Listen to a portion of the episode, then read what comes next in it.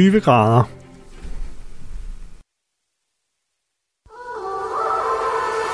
Radio 4 taler med Danmark. Velkommen til Det Blå Hjørne. Din vært er Kasper Dahl.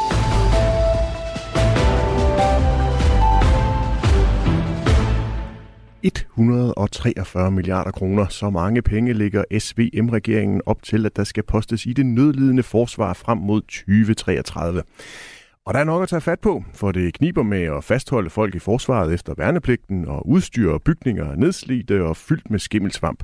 Så hvordan skal vores forsvar se ud, når det nu får sådan en meget, meget, meget stor milliardindsprøjtning? Det skal vi forsøge at finde ud af i øh, dagens udgave af Det Blå Hjørne, der er en forsvarsspecial. Du lytter til Det Blå Hjørne på Radio 4. Og med mig i dag, der har jeg tre politikere bevæbnet udelukkende med gode argumenter og skarplatte holdninger.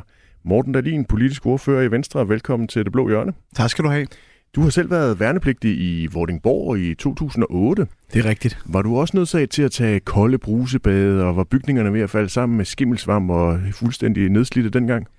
Jeg husker ikke, der var skimmelsvamp på mit værelse, men der var også udfordringer med bygningerne. Men de er jo blevet øh, værre den dag i øh, dag, fordi udfordringen er jo sådan set, at der ikke er blevet postet nok penge i det her system, siden jeg selv var inde og, og springe soldater. Derfor er den bygningstilstand, der dengang måske var øh, godkendt, den er bestemt ikke godkendt i dag.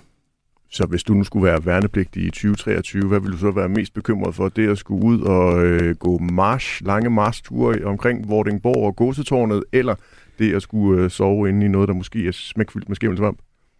Nu skal man jo ikke lave sjov med psykiske lidelser, men når du nævner gåsetårnet, så er det nærmest PTSD-fremkaldende, fordi vores befalingsmænd, de spurgte altid, når vi skulle ud og løbe, vil I have genvejen?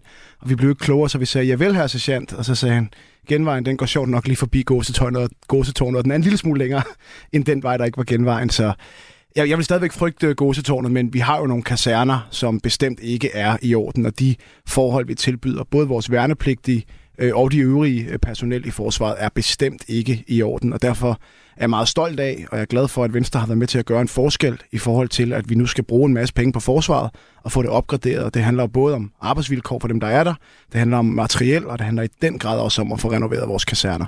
Morten Messersmith, formand for Dansk Folkeparti. Velkommen til. Tusind tak. Nu skal vi jo tale forsvar i dag. Ja. Har du egentlig selv overvejet en karriere inden for forsvaret? Jamen, de ville ikke have mig. Altså, jeg var til session, og jeg blev jeg kan, nærmest på gråt papir blev, jeg blev øh, øh, kasseret. Så du er ligesom jeg selv en af dem, der har fået papir på, at når russerne kommer, så er de de sidste, der skal udstyres med et gevær? Ja, lige det. Altså, jeg spurgte faktisk, fordi så, hvis der udbryder væbnet konflikt, sagde de, så ville jeg blive indkaldt, øh, så frem jeg ikke var fyldt 50. Og så spurgte jeg, hvad de sådan forestillede sig, at jeg skulle bruges til. Og der fik jeg at vide, at, at det ville enten være til at lave mad eller bære døde bort. Vil du gerne have været ind? Ja, det ville jeg godt. Hvorfor? Jo, fordi det er sådan noget, min, min far og min morfar og sådan har været, og altså, de har ikke haft karriere i forsvaret, de har bare aftjent værnepligt og sådan noget, så det var en ting, jeg ligesom synes, man gjorde i, i familien. Så, men det var ikke noget, der holdt mig vågen om natten, at jeg så blev kasseret. Altså, det er jo, det er jo bare der los. Carsten Bak, velkommen til dig også. Tak. Du er Liberal Alliances forsvarsordfører, og du har selv haft en karriere inden for forsvaret. Først som løjtnant, senere delingsfører og instruktør på Flådestation Frederikshavn og Søværnets Sergeantskole. Senere der blev du også udsendt til Georgien som informationsofficer for FN. Jeg håber, jeg har fået det hele med. Ja, sådan cirka. Øhm, hvad siger øh, du til, øh, til det her med, med forsvaret? Har du lyst til at komme tilbage til dagens udgave af det danske forsvar? Ja, nu øh, begynder jeg jo så småt at nærme mig de 50 faktisk, selvom man ikke kan se det på mig. Øh, så, så det er ikke sikkert, at forsvaret vil synes, at det nødvendigvis øh, var en forstærkning, at jeg, jeg kom øh, tilbage. Men jeg er meget glad for at være forsvarsordfører faktisk, og også at jeg var forsvarsordfører i 2018, hvor vi jo øh, indgik det, det seneste, fordi desværre så er der jo noget i den mellemliggende periode, der har gjort, at man ikke har øh, implementeret de politiske øh, forventninger og intentioner, der var i 2018, og det kæmper vi jo en lille smule med, øh, det vi kalder efterslæb og forsvarets kasseeftersyn, 38 milliarder osv. osv. Det tænker jeg, vi kommer tilbage til lige om lidt. Men Carsten Bak, nu, nu hører jeg jo rigtig mange politikere, og jeg tænker også, at Liberal Alliance er med på den øh, vogn, at vi skal blive længere tid på arbejdsmarkedet. Det skal man vel så også være klar til i forsvaret, og, øh, og tage nogen ind, som har øh, livets erfaring og er over de 50? Ja, en seniorordning i forsvaret, det er helt sikkert også øh, noget, vi skal til at gøre brug af. Øh, der er jo en øh, pensionsalder i forsvaret, som man godt kunne blive justeret en lille smule. Og ligesom på alle andre dele af det danske arbejdsmarked, så øh, vil vi gerne have folk, de bliver lidt længere, og det vil vi også gerne i forsvaret. Tusind tak, fordi I øh, tre er med i dagens udgave af Det Blå Hjørne, og til dig derude, der lytter med, du kan selvfølgelig også blande dig i dagens debat. Det gør du ved at sende en sms afsted. Send den til 1424, så kommer den ind her i studiet. Radio 4 taler med Danmark.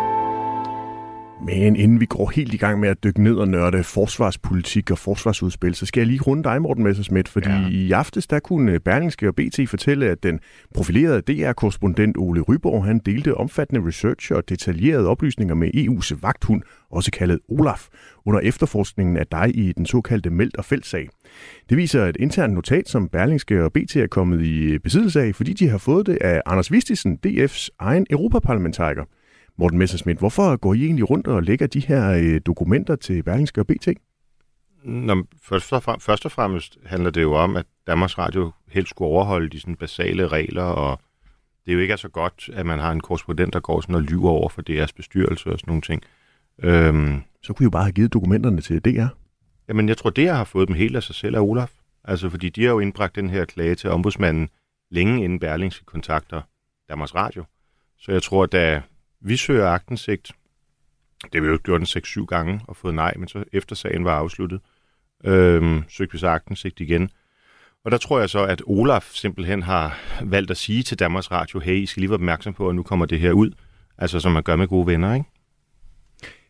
Morten Messersmith, du blev jo frikendt i ja. den her sag tilbage i øh, sidste år i, øh, i december, så vidt jeg husker. Ja. Lider du af sådan et slags øh, Stockholm-syndrom?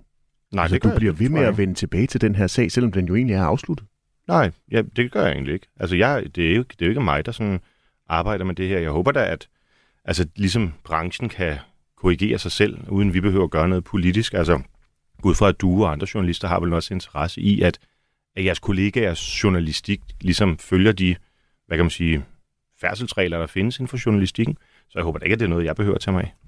Men Morten Messerschmidt, kan du forstå, hvis der sidder nogen derude og tænker, at det her det er sådan en eller anden personlig hævnaktion, personlig vendetta fra Dansk Folkeparti og Morten Messerschmidts side? Eh, sagen er jo afsluttet. Du vandt. Nej, så er det bare indlagt et civilt søgsmål. Altså, jeg kunne bare jeg kunne have fået 20.000 kroner i en eller anden injurieerstatning. Nej, det her det handler jo om, at Danmarks Radio selvfølgelig som den førende, øh, det store dyr på savannen i dansk journalistik, selvfølgelig skal overholde basale øh, presseetiske regler. Og hvis en af deres mest profilerede øh, korrespondenter ikke kan finde ud af det, så håber jeg da, at man i bestyrelsen eller i pressenævnet eller et eller andet sted, hvor I journalister mødes, øh, sørger for at, øh, at få korrigeret kursen. Eksperter mener, at øh, Ole Ryborg, DR's korrespondent, har handlet kritisabelt og bragt sig i en problematisk rolle. Det siger de til Berlingske og øh, BT. Og DR's øh, chefredaktør Thomas Falbe, han erkender også, at det er en klar fejl, men understreger, at DR ikke havde en intention om at deltage i en efterforskning. Morten Messersmith, hvad siger du til DR's udlægning? Øhm, altså det der med, at det skulle være en fejl, det undrer mig lidt, fordi der står nemlig i rapporten der fra Olaf, at, øhm, at Ryborg beder om et clean paper. Altså han beder om, at alle spor bliver slettet fra det møde der. Og så er man jo ikke sådan jo, altså så kan man jo ikke handle uaksomt. Hvis man beder om, at der ikke må være et referat for mødet, så må det jo være, fordi man mener, at der er et eller andet på det møde, som man ikke ønsker ud til offentligheden. Så du tror ikke helt, det passer, eller hvad? Det er jeg sikker på, at der er nogle andre journalister, der tager sig af. Danmarks Radio har jo 3.000 journalister og 3 milliarder kroner, så man ikke der er nogen, der til at kigge på det. Det håber jeg da. Men nu er det jo ikke, som sagt, Danmarks Radio, I har givet de her dokumenter og bedt om at undersøge det. Nu har I jo givet det til nogle andre medier. Ja, fordi altså man må sige, at Danmarks Radio er jo sådan en slags ledestjerne på den danske journalistiske himmel. Ikke? Og derfor så, når der er en naturlig interesse blandt andre medier for, øh, hvad der foregår, og den måde, DR's journalistik kommer øh, til verden på, så holder vi os ikke tilbage fra at hjælpe dem på vej. Carsten Bak, skal Morten Messersmith og Dansk Folkeparti ikke bare se at komme videre, og så være glade for, at de vandt den sag, og det er nu lukket? Nej, jeg synes, det lyder som om, at øh, Dansk Folkeparti og Liberale Alliance har en fælles øh, sag her. Vi har jo længe gerne vil øh, have fjernet øh, de licensbevillinger og skattebetalte journalister, der, der er på Danmarks Radio. Så lad os få det privatiseret. Det tænker jeg, at vi kan få en god aftale om. Men nu er det jo ikke det, jeg spurgte om. Nu spurgte jeg, om Morten Messersmith og Dansk Folkeparti ikke bare skulle se at komme videre. Nej, det synes jeg ikke. Jeg synes, det er en øh, sag, der er værd at forfølge i virkeligheden. Morten Dahlin, Synes du også, den er værd at forfølge for Morten Messerschmidt? Har du gjort det samme? Licensen har vi jo heldigvis øh, afskaffet. Ja, det er, det, det er jeg sådan set rigtig glad for. Det godt, for det. et godt venstre resultat. Øh, jeg forstår godt, at Morten Messerschmidt er interesseret i den her sag. Jeg har kun skrålæst øh, nyhederne, men jeg synes da, at enhver person har en, øh, en legitim interesse i at forfølge sager omkring deres egen person. Og så må jeg bare sige, at jeg synes jo, at øh, Morten Messerschmidts øh, sag ved det danske domstol er et tydeligt bevis på den øh, problemstilling, som er meget, meget stor i det danske retssystem, nemlig at det er, der er uendelig lange sagsbehandlingstider. Og det vil sige, at retfærdigheden bliver udsat. Altså både for dem, der er ofre for nogle forbrydelser, både dem, der er anklaget og ikke kan få at vide, om de skal dømmes eller om de skal øh, frikendes.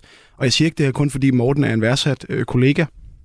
Jeg siger det, fordi jeg synes, det er måske det mest tydelige og mest offentlige bevis på det kæmpe store problem, vi har i vores retsvæsen med, at ventetiderne er alt, alt for lange, og det bliver vi nødt til at gøre noget ved, og det kommer også til at være en høj prioritet for Venstre fremadrettet. Men Morten Dahlin, det virker jo til, at Morten Messersmith slet ikke kan få nok af den her meldt og fællesag. Det, det, det er jeg nu ikke helt øh, overbevist om er, øh, er tilfældet. Altså, som jeg øh, ser det her, og jeg ser det jo lidt udefra, så tror jeg, det er jo meget menneskeligt at interessere sig for en sag, der har haft så store omkostninger for en. Altså, det kan jeg godt forstå. Øh, fordi øh, Morten har været igennem et meget, meget, meget langt forløb. Og alt for langt forløb, der så endte med en, øh, med en frikendelse, så synes jeg, det er ganske naturligt, at man interesserer sig øh, videre for sagen. Det må jeg sige, det synes jeg er helt legitimt. Morten Messersmith, lige til sidst, inden vi iler videre i forsvarsudgaven her. Hvad er det, I gerne vil opnå med, med det her? Hvad er det, du og Dansk Folkeparti håber, at øh, det her lækkede dokument og referat fra, fra Olof, det kan føre med sig? Jamen, Danmarks Radios korrespondenter overholder de spilleregler, som man i journalistikken er blevet enige om, og det er jo blandt andet, at hvis man dækker en sag, så må man ikke selv være aktør i sagen. Det synes jeg faktisk er et ret væsentligt princip i forhold til at sikre sådan armslængde og habilitet inden for journalistikken. Øhm, og der kan man jo bare se i det her dokument, at det har Ole Ryborg valgt ikke at gøre. Øh, og han, så, han har så ovenikøbet også valgt at lyve om det øh, over for DR's bestyrelse, da BT spurgte til det for et par år siden. Øhm, og hvad der så skal ske derfra, det må Danmarks Radio finde ud af. Men øh, som jeg sagde før, det er jo ikke bare et eller andet tilfældigt webmedie. Altså det er den, den, den toneangivende mediemastodont i Danmark. Og derfor synes jeg, at det her det må påkalde sig nogle principielle overvejelser. Så hvis medierne, DR og andre øh, private medier, de tager en snak øh, bag lukkede døre om, hvordan man skal gøre det her, så er du tilfreds? Øh, jeg vil nok først forholde mig til konklusionen, når jeg ser den. Jeg synes ikke, at det vil... Jeg skal ikke sådan sætte en retning. Jeg holder armslængde. Radio 4 taler med Danmark.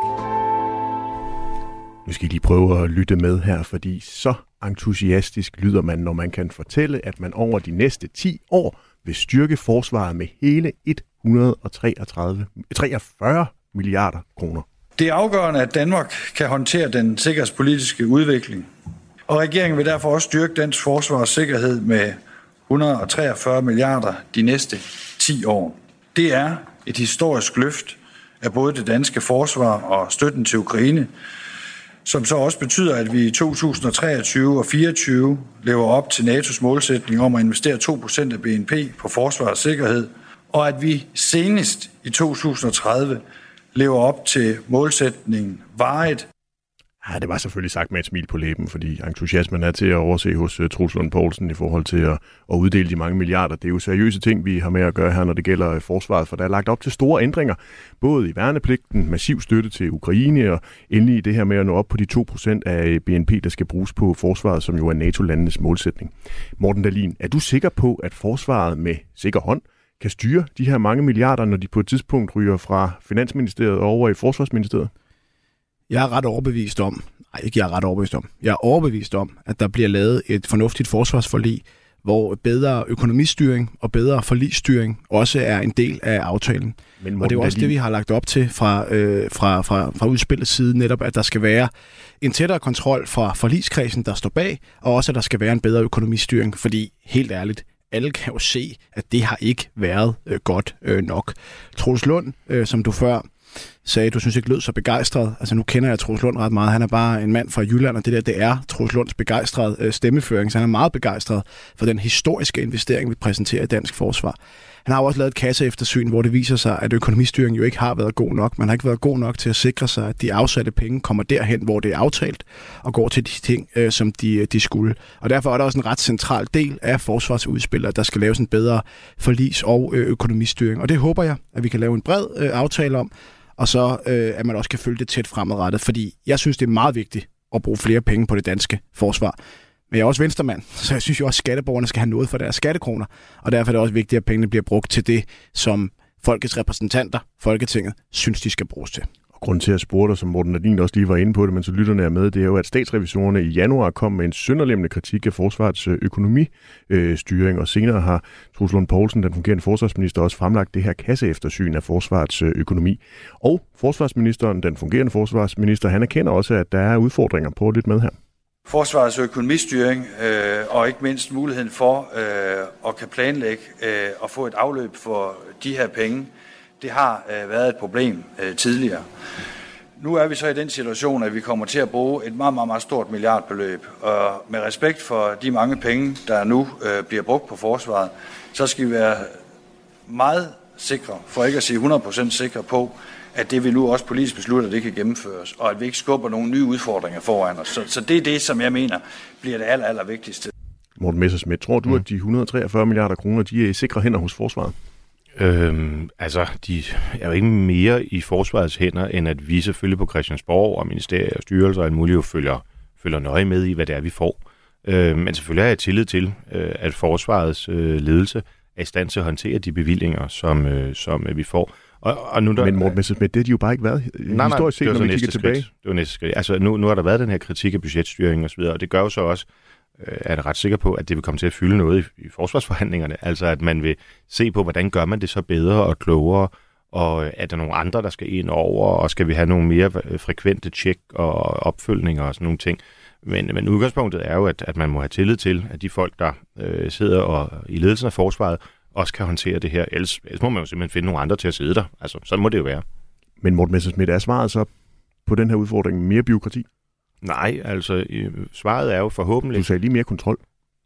Ja, men der tænker jeg egentlig mere på, at man sikrer de arbejdsgange, der er, og at man så fra forsvarsforligskredsen er mere øh, opdateret. Altså det er jo helt almindeligt i andre forligskredse også, at man måske øh, månedligt eller noget af den stil øh, har et øh, møde, hvor man drøfter aktuelle ting. Ja, det gør jeg for eksempel, vores klima- og energiordfører, det har vi relativt hyppigt der.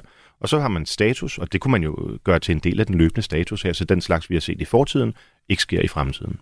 Carsten Bak, stoler du på, at forsvaret kan håndtere den her nye milliard store investering over de næste 10 år?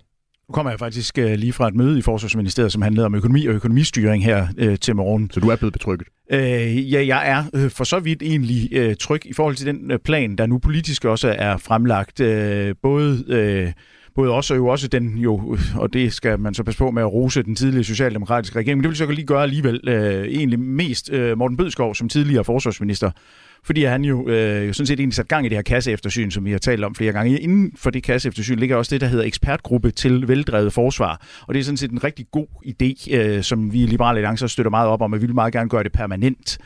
Fordi vi skal jo have et veldrevet forsvar. Det kan jo ikke nytte noget, at der ikke er styr på økonomien. Og selvom der er meget øh, dygtige generaler øh, i spidsen for det danske forsvar, så er de jo det, som de er, generaler, øh, og dygtige til øh, det, de skal være dygtige til, altså at føre krig i yderste konsekvens. Og det er jo ikke ens betydende med, at man har fire stjerner på skulderen, at man så også er god til økonomistyring.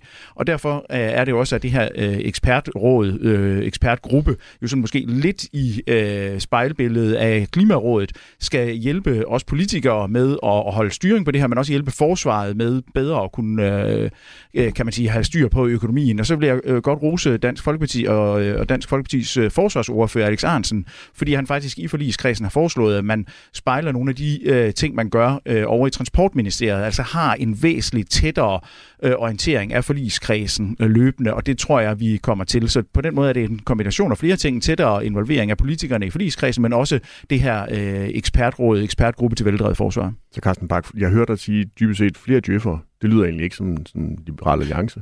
Nej, det handler overhovedet ikke om flere djøffer, det her. Det handler om, at politikerne øh, får mere, mere uh, hands-on. opdatering og flere rapporteringer. Og det, det handler om, at vi skal have de mennesker, der har forstand på at forvalte 143 milliarder i spidsen for at forvalte øh, 143 milliarder. Og med al respekt for hvem, øh, firestjernede generaler, så er de jo gode til øh, det, der har med krig og soldater at gøre, og derfor skal vi jo have nogle mennesker, som øh, virkelig har, øh, øh, kan man sige, ekspertviden på øh, økonomistyring i milliardklassen.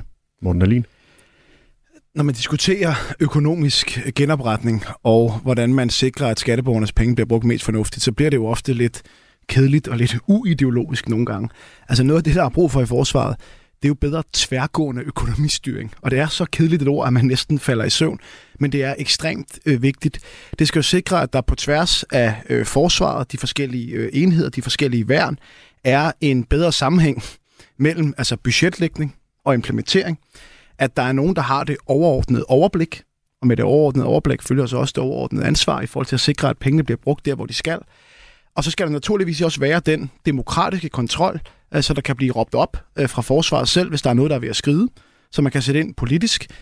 Lur mig, og jeg ved godt, det er sikkert øh, politisk selvmord at sige det, men lur mig, om der ikke også øh, undervejs vil være nogle ting, hvor politikerne har sat nogle penge af til noget, som så viser sig ikke at række. Altså simpelthen ikke, fordi der er gået noget galt, men fordi at der er nogle ting, der har forandret sig, materialerne er blevet dyrere, eller et eller andet andet i den stil. Og så er det jo også vigtigt, at der er et system, hvor man kan råbe op, så vi fra politisk hold kan sige, okay, ønsker vi så at prioritere flere midler til det her område, eller ønsker vi så at sige, så må det frafald, fordi pengene ikke øh, rækker. Så tværgående økonomistyring, selvom det er jeg må ikke sige røvkedeligt, men nu gør jeg det så alligevel. Det er meget, meget vigtigt for at sikre, at skatteborgernes penge bliver brugt på noget fornuftigt. Jesper han har sendt os en sms på 1424. Han skriver, når man skal bruge tid på at gøre forsvarets økonomistyring bedre, eller man skal bruge tid på at gøre forsvarets økonomistyring bedre, det kan tage år, men pengene skal jo allerede bruges fra næste år. Det virker lidt for risikabelt. Er du enig, Morten Messersmith? Mm, altså Eller mål... tror du bare, at forsvaret er klar til at klare milliardindsprøjtningen fra dag 1? Mm, altså, målet er jo, at det skal de være. Øhm, og det, det er jo så det, der er vores opgave politisk i det her forlig at sikre. Øh, og jeg tror, at fra altså både regeringen, men også fra oppositionen, vil der selvfølgelig være en ekstrem opmærksomhed på det her. Og at hvis de øh, nye procedurer, eller opdaterede procedurer, hvad det nu bliver, som man kan blive enige om, hvis ikke de virker, så skal pengene selvfølgelig ikke øh, bevilges. Altså, der er jo ikke nogen mennesker, der synes, det er fedt at bruge andre folks penge, eller sine egne penge for den sags skyld, på noget, som, som ikke giver, giver mening. Så vi har jo en, en, en fælles interesse i at få det her til at fungere. Det lyder som om, der er lidt for forsvaret at øh, arbejde med, eller i hvert fald holde mm. fokus på, når der begynder at komme nogle overførsler fra Finansministeriet til Forsvarsministeriet. Den anden side af sådan en økonomisk mønt, det er jo øh, finansieringen. Og i 23 og i 24, der består den af en såkaldt lempelse af den strukturelle saldo. Øhm, Morten Dahlin, skal samfundskassen bare udvides, når der prioriteres så stort et beløb til forsvaret? Spørgsmålet er jo virkelig, om vi har råd til at lade være.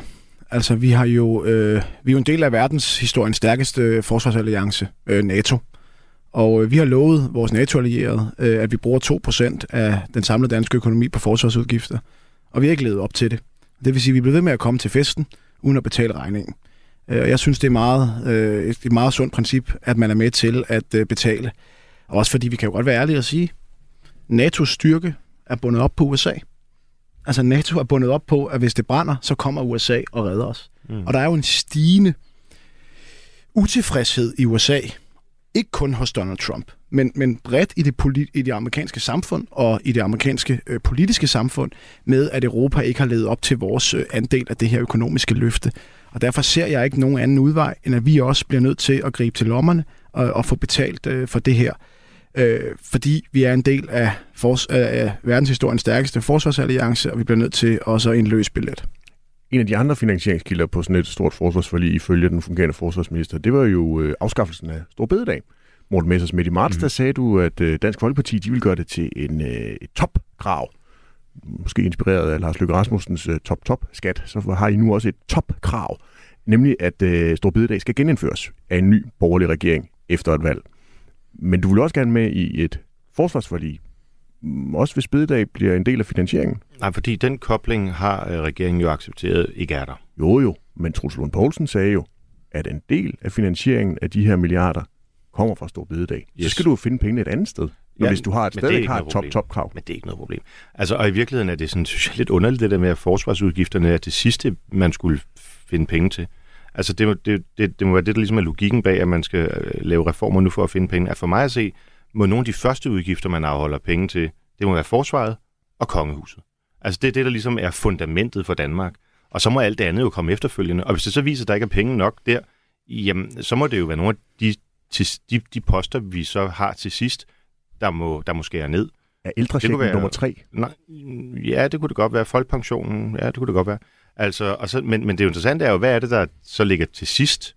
Og det kunne for eksempel være øh, araberkontoen eller øh, udviklingsbistanden og så videre. Ikke? Altså det er da helt øh, centralt, at forsvaret får penge først, og det er da langt mindre centralt, om Danida så lige må mangle en milliard.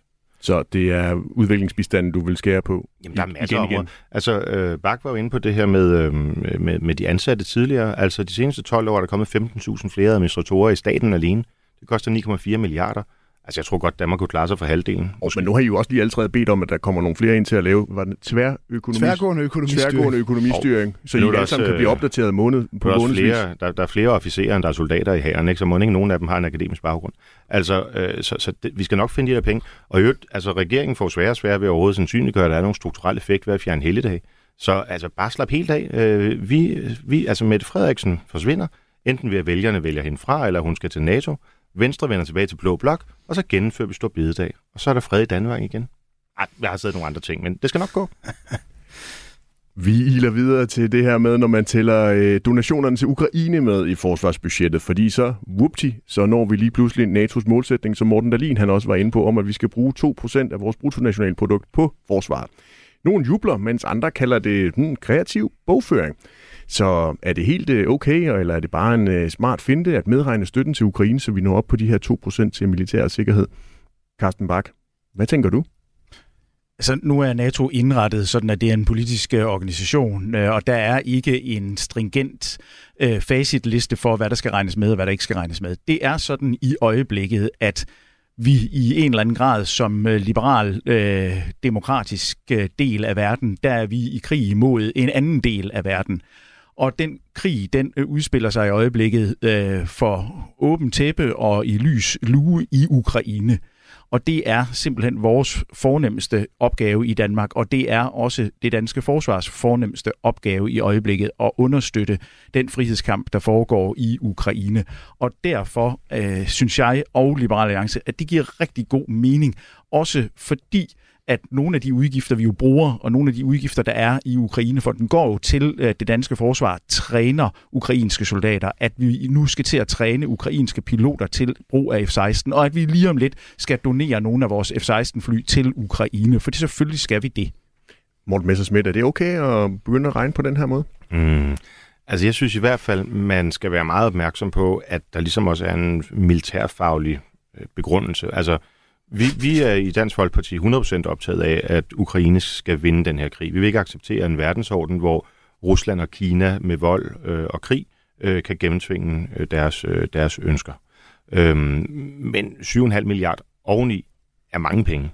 Altså apropos pensionisterne og alle mulige andre, som er, Kongehuset. er hårdt trængt. Kong, jamen, jeg tror ikke, kongehuset på den måde er hårdt trængt.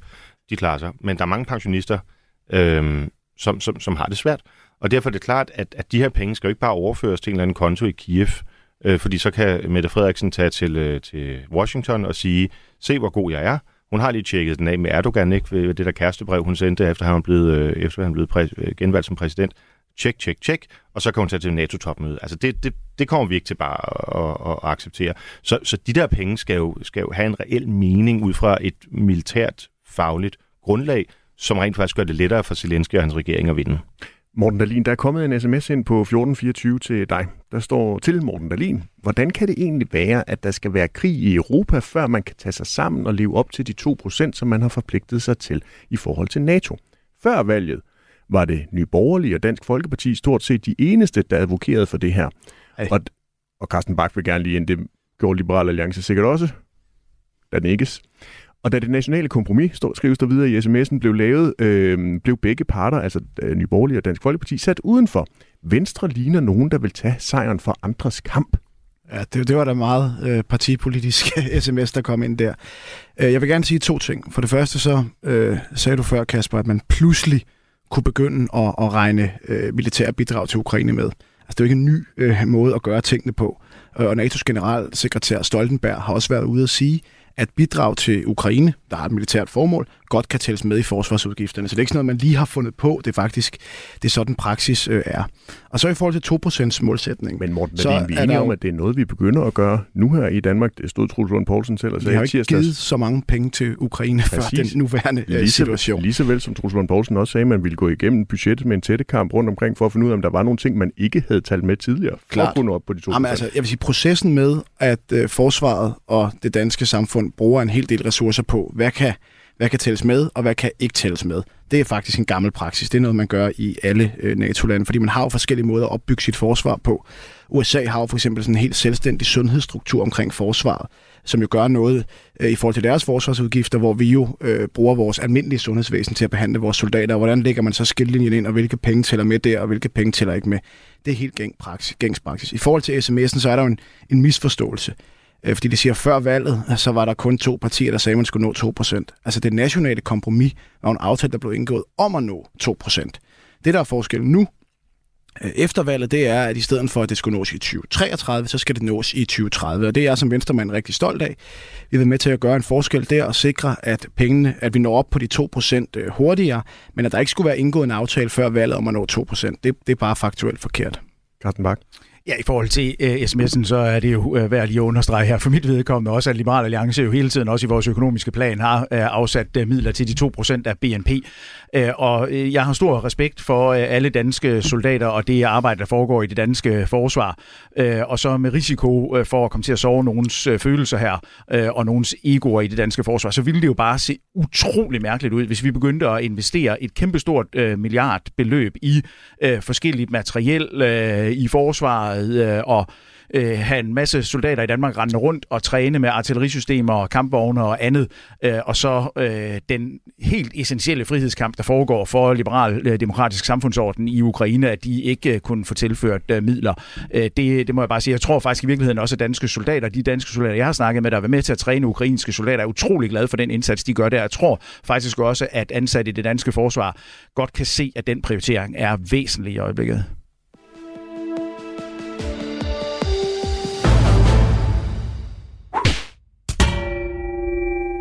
Hvis du skulle være i tvivl, så er du i gang med at lytte til denne uges udgave af Det Blå Hjørne i dag med Morten Messersmith, Morten Dalin og Carsten Bak. Vi har en forsvarsspecial kørende, men vi tager lige en lille bitte pause, fordi det er blevet tid til vores faste indslag. Vi skal nemlig have uddelt nogle blå mærker. Det er her, vi lader politikerne sende et kærligt, men bestemt blåt mærke til en kollega i et af centrum-højre-partierne. Morten Dalin, hvem har brug for et blåt mærke i den her uge? Jamen det har de øh, blå partier, der taler meget højt om øh, økonomiske reformer i skoletaler, men som hver gang det bliver en lille smule svært, stikker halen mellem benene og løber sin vej, og ikke vil med til at tage ansvar for at skaffe noget mere arbejdskraft, både til vores offentlige sektor og til vores øh, private virksomheder.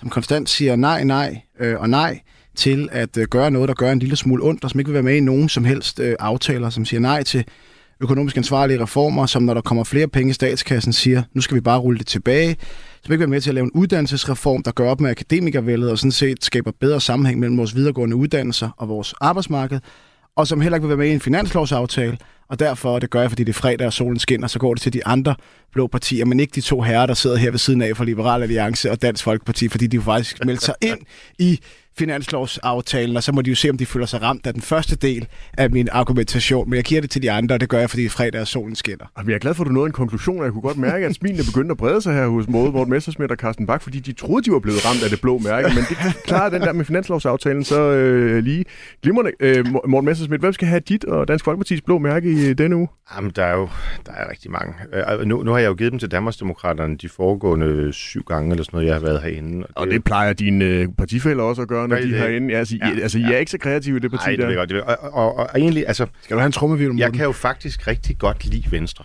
Altså, der, der har jo været historisk et meget, meget tæt øh, arbejdsfællesskab, eller hvad skal man sige, sådan hvad var det, Claus Hjort i sin tid fik sagt? Øh, et slags åndeligt fællesskab? Eller sådan jeg tror, noget, han sagde værdifællesskab. Værdi, værdifællesskab, ja. Øhm, men, men, jeg, men jeg synes alligevel, at lige den her uge, hvor I har stemt den der øh, vejskat igennem, der synes jeg altså, I fortjener lige et, øh, et blot øh, wake-up call, øh, fordi det er altså noget skidt. Altså, det bliver dårligere for, for forbrugerne, varerne bliver dyrere, øh, det bliver også åbenlyst dårligere for, vej, for vognmændene. Altså, i den veste af så kommer der jo bare en masse flere østeuropæere ind og kører, fordi de har lavere lønninger og sådan nogle ting. Og jeg ved godt, det er jo noget, som kun sker, fordi I har det der arbejdsfællesskab, og der er jo et rødt flertal på Christiansborg og så videre, så videre. Men lige den der, den synes jeg fortjener en svirper. Carsten Bak, hvem skal have dit og Liberal Alliances blå mærke? Ja, nu havde jeg jo egentlig håbet, at Morten Messersmith med den indgangsvinkel, vi havde øh, her øh, først i programmet, øh, ville have valgt Danmarks Radio og have givet Danmarks Radio det, det, han mærke. Det må han ikke. men, men, det, men det er jo en, en, en omgang øh, røde lejesvende, så nu kan vi jo ikke øh, indbefatte i det borgerlige Danmark. Øh, jeg er nødt til at skyde en lille smule med spredhavl faktisk øh, og bryde med nogle traditioner. Og jeg vil faktisk sende mit blå mærke til en institution, en borgerlig institution i det danske samfund, mener jeg faktisk, faktisk til det danske forsvar. Og nu når det er en forsvarsspecial, så mener jeg faktisk, at det må være helt berettiget. Og øh, forsvaret, øh, særligt måske øh, forsvarsministeriet, forsvarsdepartement, øh, måske endda også Forsvarets Materiel- og Indkøbsstyrelse skal have øh, en række blå mærker for ikke at have styr på de oplysninger, de giver os øh, i forbindelse med indkøb mm. af forskellige våbensystemer, og særligt genanskaffelsen af artillerisystemet øh, tilbage i januar måned. Øh, det er en eklatant øh, fejl, der er blevet begået, og heldigvis øh, så får vi mulighed for, både i en redegørelse og også i et hasteindkaldt øh, samråd, at få lidt styr på det. Og Carsten Bak, hvis vi kan nå det i den her udgave af Det Blå Hjørne, så kan det være, at vi når tilbage til den sag. Med SVM-regeringen er de politiske blokke sprængt i småstykker. Det er jo nu toget kører i forhold til at træffe svære beslutninger. Og gamle ærkefjender er blevet til regeringskollegaer. Der må virkelig være nogle venstrefolk, der sidder med en mærkelig smag i munden. Hver uge samler Radio 4 de mest erfarne toppolitikere og rådgivere i eksperimentet på midten. Det bliver sindssygt interessant at følge også. Lyt med i Radio 4's app, eller der, hvor du lytter til podcast. Radio 4 taler med Danmark. I går var det årsdag for folkeafstemningen om at fjerne forsvarsforbeholdet, og i slutningen af marts der stemte et flertal i Folketinget for, at Danmark skulle tilslutte sig det europæiske forsvarsagentur. Øhm, regeringen understreger klart i sit forsvarsudspil, at selvom NATO fortsat vil være en hjørnesten i det danske forsvars- og sikkerhedspolitik, så skal Danmark også være en aktiv og troværdig partner i EU-samarbejdet.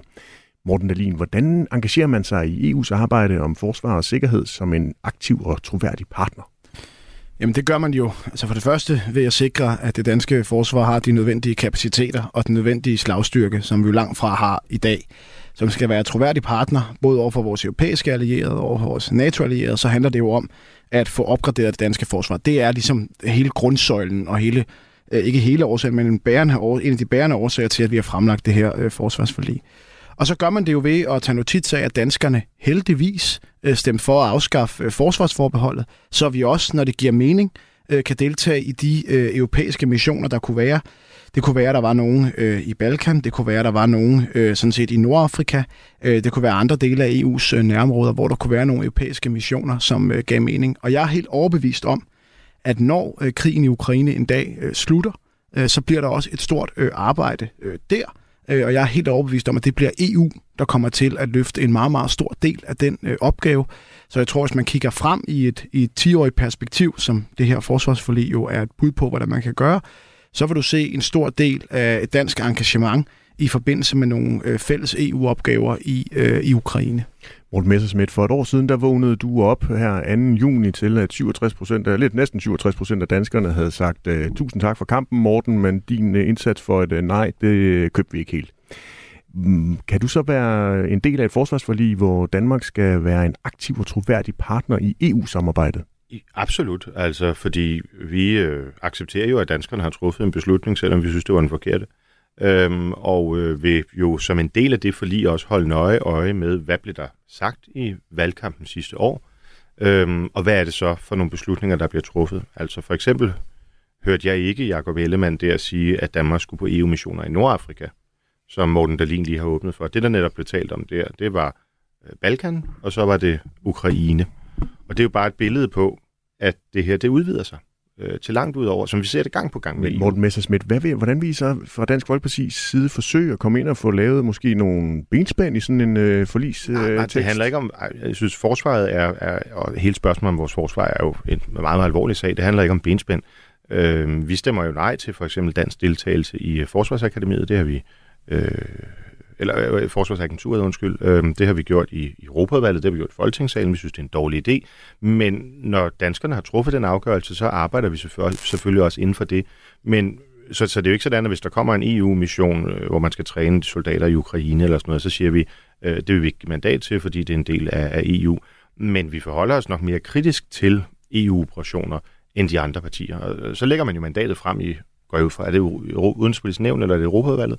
Og så øh, stemmer man jo alle nej. Hvis der er et flertal for, jamen, så må regeringen jo agere. Morten Ja, altså årsagen til, at jeg nævner øh, Nordafrika som et øh, eksempel, og jeg øvrigt også gjorde det øh, før valget, det er jo, at øh, jeg tror ikke, det er helt utænkeligt, og det er jo ikke, fordi der er noget lige nu, som jeg siger, det skal vi bare tilslutte os. Jeg tror ikke, det er helt utænkeligt, at der kan komme øh, operationer i øh, Nordafrika, der handler om at stabilisere nogle styre, der handler om øh, blandt andet at stoppe de migrationsstrømme, som øh, lige nu øh, flyder over øh, Middelhavet. Vi er jo ved at blive overrendt øh, af migranter, og det er jo forfærdeligt, fordi mange af dem drukner øh, på Middelhavet, og det presser også øh, Europa. Og derfor vil jeg bare sige, hvis man ønsker at kontrollere migrantstrømmen mod Europa, så kan man ikke ignorere øh, Af- øh, Nordafrika, fordi det er der, og det, at der er så mange ustabile styre der, det, at der er så mange konflikter i det område, er jo noget af det, der er med til at presse migranter mod Europa. Det er derfor, jeg nævner det som eksempel, sammen med eksempelvis Balkan, sammen med øh, Ukraine. Og det er jo ikke sådan, at Danmark har forpligtet os til, at hver gang EU laver en mission, så skal vi være med. Vi kan vælge fra, vi kan vælge til, når vi synes, det giver mening. Og her laver jeg bare det, man vel kan kalde et tankeeksperiment, og sige, noget af det, der kunne give mening, det var jo noget, der handlede om Balkan, fordi vi har set, hvad der kan ske dernede, hvis der ikke øh, bliver sat ind i tide. Det kunne handle om Ukraine, og så kunne det jo handle om noget, der kunne være stabiliserende i Nordafrika, blandt andet med det formål at stoppe migrantstrømmen øh, over øh, hvad hedder det, Middelhavet. Og noget af det, vi jo allerede gør i dag, det er jo, at vi bidrager til, til Frontex, altså det europæiske grænseagentur, som jeg i øvrigt i parentes bemærket mener er alt for tandløst. Men jeg synes, det er godt, at Danmark bidrager alligevel, for netop også at prøve at have noget ydre grænsekontrol i forhold til Europas ydre grænser. Morten Messersmith, helt kort. Jo, øh, det er ikke fordi, jeg vil holde op på at sige, nu har du sagt Nordafrika, og så fanger bordet. Når jeg siger bare, at det har det jo med altid at udvide sig, når, det, når vi taler om EU. Altså det bliver sjældent det, som, som, som ja-partierne har, har lovet, og der vil vi selvfølgelig være en, en, en vagthund i forhold til at med minde folk om, hvad der bliver sagt. Carsten Bak, altså en aktiv og troværdig partner i EU-samarbejdet lægger regeringen op til. Er det nødvendigt? Ja, noget af det, vi i Liberale Alliance fokuserer rigtig meget på i forhold til EU. Man kan jo godt øh, spå om, øh, hvilke missioner der kommer i fremtiden, og have en lang øh, øh, diskussion omkring det. Det vi øh, ved, der foregår lige præcis her nu, er jo også øh, forskning og udvikling, et stort samarbejde omkring det i EU, og det er enormt vigtigt teknologisamarbejde, industrisamarbejde omkring øh, forsvarsteknologier, øh, og også i øvrigt dual use, øh, altså noget, der kan bruges i civil sammenhæng, også er virkelig vigtigt. Og der ligger øh, nogle store øh, kapaciteter, der ligger nogle øh, muligheder for, at Danmark kan være med, kan få øh, medfunding øh, og deltage i nogle store teknologiudviklingsprojekter, som er med til også at bringe det danske forsvar op, øh, kan man sige, på omgangshøjde og med ind i fremtiden, men også øh, danske industrivirksomheder, dansk forsvarsindustri med op øh, på et niveau, hvor vi kan være os selv øh, bekendt i fremtiden. Morten Jamen, det er jo bare helt generelt. Altså, jeg er meget enig i det, øh, Carsten siger her. Det synes jeg er måske det, der er mest sådan lige nu og her. Øh, det, der bare har været den politiske diskussion, og som jo også var det, vi diskuterede dengang, der var afstemning, det var meget, hvad med missioner og så videre. Der, jeg kan jo ikke gætte eller spå. Jeg tror bare, der kommer noget i Ukraine. Altså, det, det er jeg faktisk ret overbevist om, at der gør. Men hvis man kigger på forsvars, øh, hvad hedder det, udspillet helt generelt, så er det jo ligesom tre indsatsområder geografisk, som, øh, som vi spiller ud med. Altså, den ene, det er rigsfællesskabet, altså som er ekstremt vigtigt, og et område, der jo heldigvis er et lavspændingsområde i dag, og som vi jo skal gøre alt, hvad vi kan fra den side, for fortsat vil blive et lavspændingsområde. Men vi må også bare indrømme, at Arktis står mere og mere centralt med både russiske, kinesiske, amerikanske, danske, norske øh, interesser. Så har vi det, vi kalder nærområdet i øst, altså øh, Østersøen, nu er Finland jo heldigvis kommet med i, i NATO. Jeg øh, beder til alle højere magter, for det også sker for Sverige øh, lige om lidt. Men Østersøen er jo også et område, hvis relevans bare stiger i takt med, at den russiske bjørn lige pludselig øh, er begyndt ikke bare at knurre, men at brøle igen. Og så har vi stadig det tredje ben, der hedder indsatser i verdens brandpunkter rundt omkring, som forsvaret jo også i nyere tid har spillet en stor rolle i. Og det er jo ligesom de tre indsatsområder, vi, hvis man kigger på det ud fra en geografisk analyse, ligger op til, at forsvaret skal kunne, skal kunne agere i. Morten Messersmith helt kort. Ja, jeg bare, du siger hele tiden helt kort efter Det er fordi tiden løber med men, jer tre jeg, jeg bare kan sige, at, at, jeg synes, der er en, en ting, som, eller et land, som, som hænger over alle de tre punkter, der lige nævner, det er Kina. Altså, øhm, Kina skal holdes tilbage, og det er derfor, NATO er så vigtig, og det er jo det, der er vores primære bekymring i forhold til den her europæisering af forsvarssamarbejdet. Altså, Taiwan må aldrig falde, øhm, og der er det helt afgørende, at, øh, at vi i, øh, i NATO-alliancen står, står sammen. Men... Og, og, og der er bare sige, de to væsentligste alliancepartnere, Danmark har, og jeg vil tillade mig at sige, EU har, det er jo UK og USA. Men Morten Messersmith, skal Kina holdes tilbage, som du øh, øh kalder det, med våben? Ja. Altså, Ikke med Kina, diplomati? Jo, jo, jo, jo. Våben er altid last resort. Men, men, men og det fede ved at have et meget, meget stærkt militær, og, og at vi har både UK og, og USA, der råder over en voldsom nuklear øh, kapacitet, det er jo, truslen skulle gerne være så stor, at vores fjender øh, afstår fra angreb. Men jeg vil bare sige, den, den helt store fjende, som Er du vi bekymret og for vores et militært angreb fra Kina? Ja, det må jeg sige, det er i den grad. Kina agerer ekstremt aggressivt og leger med, med ilden, og Kina fører jo krig. Det er jo bare proxykrig. Altså lidt ligesom vi gør det i, i, i, i, øhm, i Ukraine ved at støtte Zelensky, så gør øh, Kina det jo ved at støtte øh, Putin, og de gør ekstremt meget for jo ikke bare at æde sig ind på øh, ædelmetaller og naturressourcer generelt. Øh, de spionerer, de stjæler, de agerer virkelig som verdens bølle. Og hvis ikke vi, både diplomatisk, handelspolitisk og militært, laver en alliance, hvor vi presser Kina, så er det ikke Putin, der kommer til at definere fremtidens verdensorden. Så er det Xi Jinping og hans kommunistvenner, som kommer til at gøre det på ryggen af Putin. Carsten Bak, du nikker. Er du også bekymret for militært angreb fra Kina? Måske ikke sådan direkte et militært angreb øh, fra Kina, men det Morten Messerschmidt siger her understreger jo den pointe, som jeg havde før, at det vi jo sådan set egentlig er i øjeblikket, det er, at vi er i en krig imellem det liberale, demokratiske samfund og så imod totalitære styre, og fjenden øh, sådan i helt umiddelbart er jo i hvert fald Rusland lige sådan fysisk her nu foran os. Men Kina er jo også et totalitært styre, som vi er nødt til på en eller anden måde at kunne imødegå og kunne afskrække. Og så er krig i dag, det er jo også bare alt muligt andet end øh, en direkte væbnet øh, trussel. Det er også en hybridkrig, der foregår alt muligt i cyberspace. Der foregår jo noget i forhold til infrastruktur, i forhold til, til spionage, som Morten Messerschmidt også nævner jo, industrispionage osv. osv. Og det er vi jo simpelthen bare som liberale demokratiske øh, nationer nødt til at stå sammen om, og derfor er NATO også utrolig vigtig i fremtiden. Morten Alin her til sidst. Jamen, jeg deler øh, bekymringen omkring øh, Kina, og det gør amerikanerne jo også. Og du kan jo gå helt tilbage til Obama i 2008, der fremlagde hans øh, Pivot to Asia øh, strategi, hvor øh, Europa, det var det glemte gamle syge kontinent, så det skulle USA koncentrere sig øh, mindre om. Nu handlede det om Kina som den store hovedmodstander. Det handlede om det sydøst, øh, det sydøstasiatiske øh, øh stillehav. Øh, og du kan jo se, hvordan Kina laver en aftale med den ene, ene østat, og så laver USA en aftale med den anden østat. Og det synes jeg bare er et argument for europæisk oprustning. Amerikanerne kigger mere og mere mod Asien, og derfor bliver europæerne nødt til at tage et større og større ansvar for vores egen sikkerhed. Vi kan ikke bare regne med, at den rige onkel øh, fra den anden side af Atlanten bliver ved med at komme og, og redde os ud af, af ilden, hver gang der er far på færre. Men Morten Dahlin, er du ligesom de to andre debattører i dagens udgave også bekymret for et militært angreb fra Kina? Nu, nu hørte jeg, at der var en, der var bekymret for et uh, milita- direkte militært angreb, og så hørte jeg en, der var mere overordnet bekymret. Og jeg synes, der er brug for at være meget ops på øh, de tiltag, Kina tager. Øh, og det er øh, bredt, det er økonomisk, det er handelsmæssigt, det er også øh, militært. Øh, og derfor mener jeg, at der er brug for, at Danmark tager et større ansvar for vores egen sikkerhed, og Europa også gør det. Messersmith, nu får du den igen helt kort. ja, det ved jeg godt. Ej, jeg, mener, jeg mener bestemt, vi er nødt til at operere med, at øh, kineserne de, de, de, de kan risikere et militært angreb på Taiwan. Og der er det bare vigtigt, øh, både i forhold til de microchips, øh, som, som øh, hele vores del af verden baserer sig på, som bliver produceret på, på Taiwan, men også for at, øh, fuldstændig ligesom i dag med Rusland og, og Ukraine, at sige, at den form for aggressiv adfærd er ikke er acceptabel. Så det kan vi ikke udelukke. Vi skal jo gøre, hvad vi kan for at forhindre det præventivt. Og det er derfor, jeg taler for det her stærkere samarbejde. Og det er jo fint med oprustning i Europa. For mig at se, skal det bare ske inden for NATO-paraplyen, hvor både britterne, kanadierne og amerikanerne er med. Radio 4 taler med Danmark. Tiden den løber, så vi iler videre til et øh, fast element her i det blå hjørne, som vi plejer at slutte udsendelsen af på, nemlig det blå barometer. Det her vi kigger på kampformen i blå blok. Og vi hørte jo for nogle få uger siden den glædelige nyhed, at Venstres formand, Jakob Ellemann Jensen, han er i bedring og vender tilbage som formand for partiet og som vicestatsminister og som forsvarsminister, når kalenderen den viser 1. august. Men nu er der allerede en møjsag i sigte. For i januar, dengang Ellemann stadigvæk var forsvarsminister, udspillede der sig et ekstraordinært forløb, hvor Finansudvalget kun fik ganske få timer til at tage stilling til et våbenindkøb fra en israelsk våbenfabrik. Allerede dengang fik processen kritik fra flere ordfører, der kaldte sagen for fuldstændig uacceptabel og grotesk. Men i denne uge, der kunne netmediet Altinget så afsløre, at tidsfristen fra det israelske våbenfirma reelt set ikke var på få dage, som partierne fik at vide. Nej, den, lå faktisk ikke, den var faktisk ikke engang udløbet. Den udløb først her med udgangen af juni. Og ikke nok med det, så blev der ifølge Forsvarets Materiel- og Indkøbsstyrelse indhentet tre forskellige tilbud fra våbenproducenter. Et fra det israelske firma, et fra et fransk firma og et fra et øh, koreansk firma. Men nu kan Altingens afsløre, at det franske firma slet ikke blev kontaktet, som forsvarsminister Jakob Ellemann Jensen ellers fortalte i forsvarsforligskredsen. Øhm, Morten Dalin.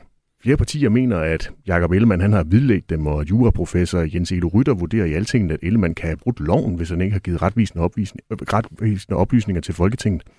Du er jo politisk ordfører for Venstre. Er det ikke noget af en, øh, en opgave, der ligger for øh, jeres partiformand, når han vender tilbage til august og skulle redde det her ud? Og jeg er også medlem af Finansudvalget, og var også til stede på det møde, hvor øh, vi traf den, mener jeg, helt rigtig beslutning at indkøb af noget militært udstyr til Danmark, fordi vi havde doneret vores artillerisystem til, øh, til Ukraine, og jeg har også set, at der er flere ordfører, der kalder det en kontroversiel leverandør.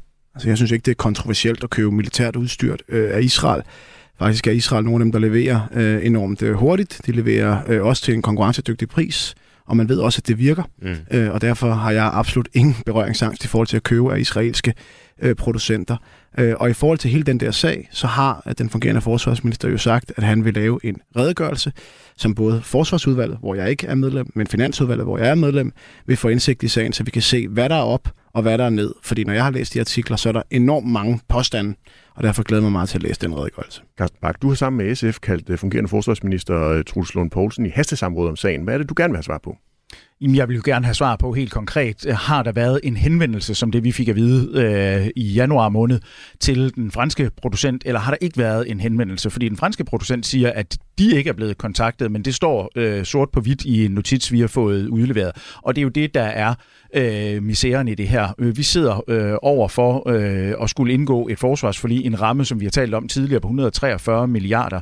Jeg er simpelthen nødt til at kunne have bare en lille smule tillid til, at de informationer, vi får af forsvaret, af forsvarsministeriet, forsvarsmateriel og indkøbsstyrelser, derfor var det også, at det blå mærke fra min side røg i den retning. Jeg er nødt til at kunne stole på, at de oplysninger, der kommer derfra, er rigtige. Carsten Bak, hvilke konsekvenser skal det have, hvis du ikke får en tilfredsstillende redegørelse fra Truls Lund Poulsen og Forsvarsministeriet?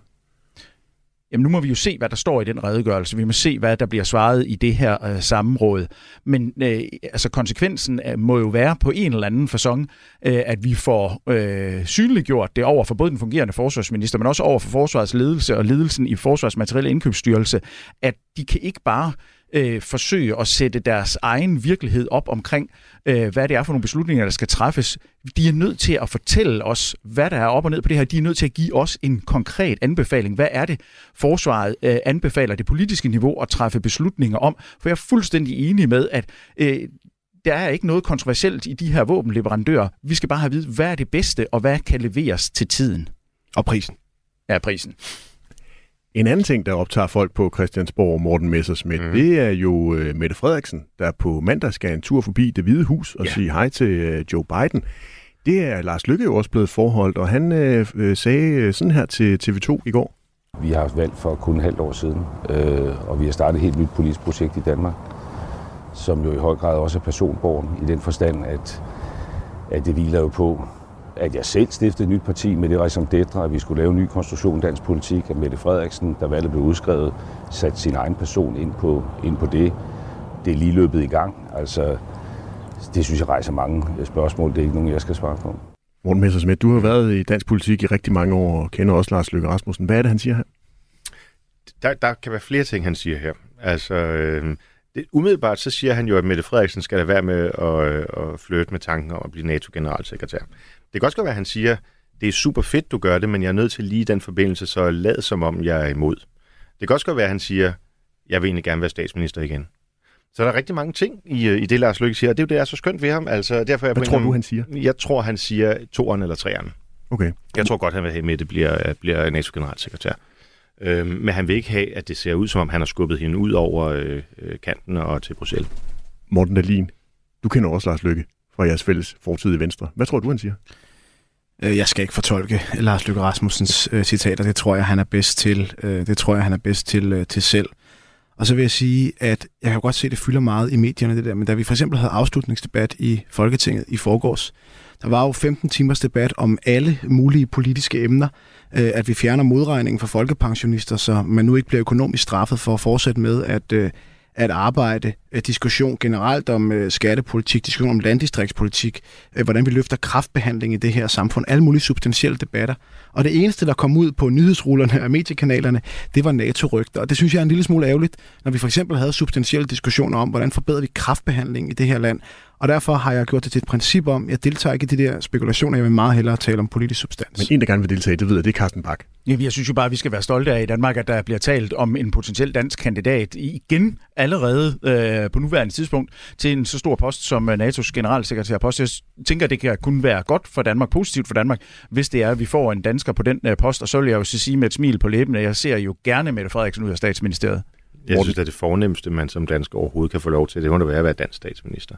Altså det der skulle have sådan en exit-plan. Altså, nej, det ved jeg snart ikke. Hun kunne bare pande ned. Altså hun kunne bare sige til Reuters, at det ikke er nogen interesse. Så selvfølgelig er hun kandidat, det er ret åbenlyst. Morten Dahlin, hypotetisk set, så er det vel vicestatsministeren, der skal tage over, hvis statsministeren får den der sten i hovedet. Er det så Venstres formand, fungerende formand, hvem der nu lige står i spidsen for Venstre på det tidspunkt, der skal være statsminister? Jeg synes jo som udgangspunkt altid, det er en god idé, hvis Venstres formand er statsminister. Men det der med hypotetiske diskussioner, det har jeg slet ikke intellektuel kapacitet til at deltage i. Det blev udgangen på dagens udgave af Det Blå Hjørne. Fik du ikke lyttet med fra start, så kan du som altid finde dagens øh, program i, øh, som podcast i Radio 4's øh, app. Tusind tak til dagens gæster, Liberal Alliances Carsten Bak, Venstres Morten Dalin og Dansk Folkepartis Morten Messersmith. Programmet er lavet i samarbejde med Avisen Danmark, hvor jeg, Kasper Dahl, til daglig har fornøjelsen af at være politisk redaktør. Kan du ikke få nok af politik, så husk, du kan finde Radio 4's politiske programmer på samme tidspunkt hver dag, nemlig mellem 11 og 12. Tak fordi du lyttede med, og rigtig god Du har lyttet til en podcast fra Radio 4. Find flere episoder i vores app, eller der, hvor du lytter til podcast. Radio 4 taler med Danmark.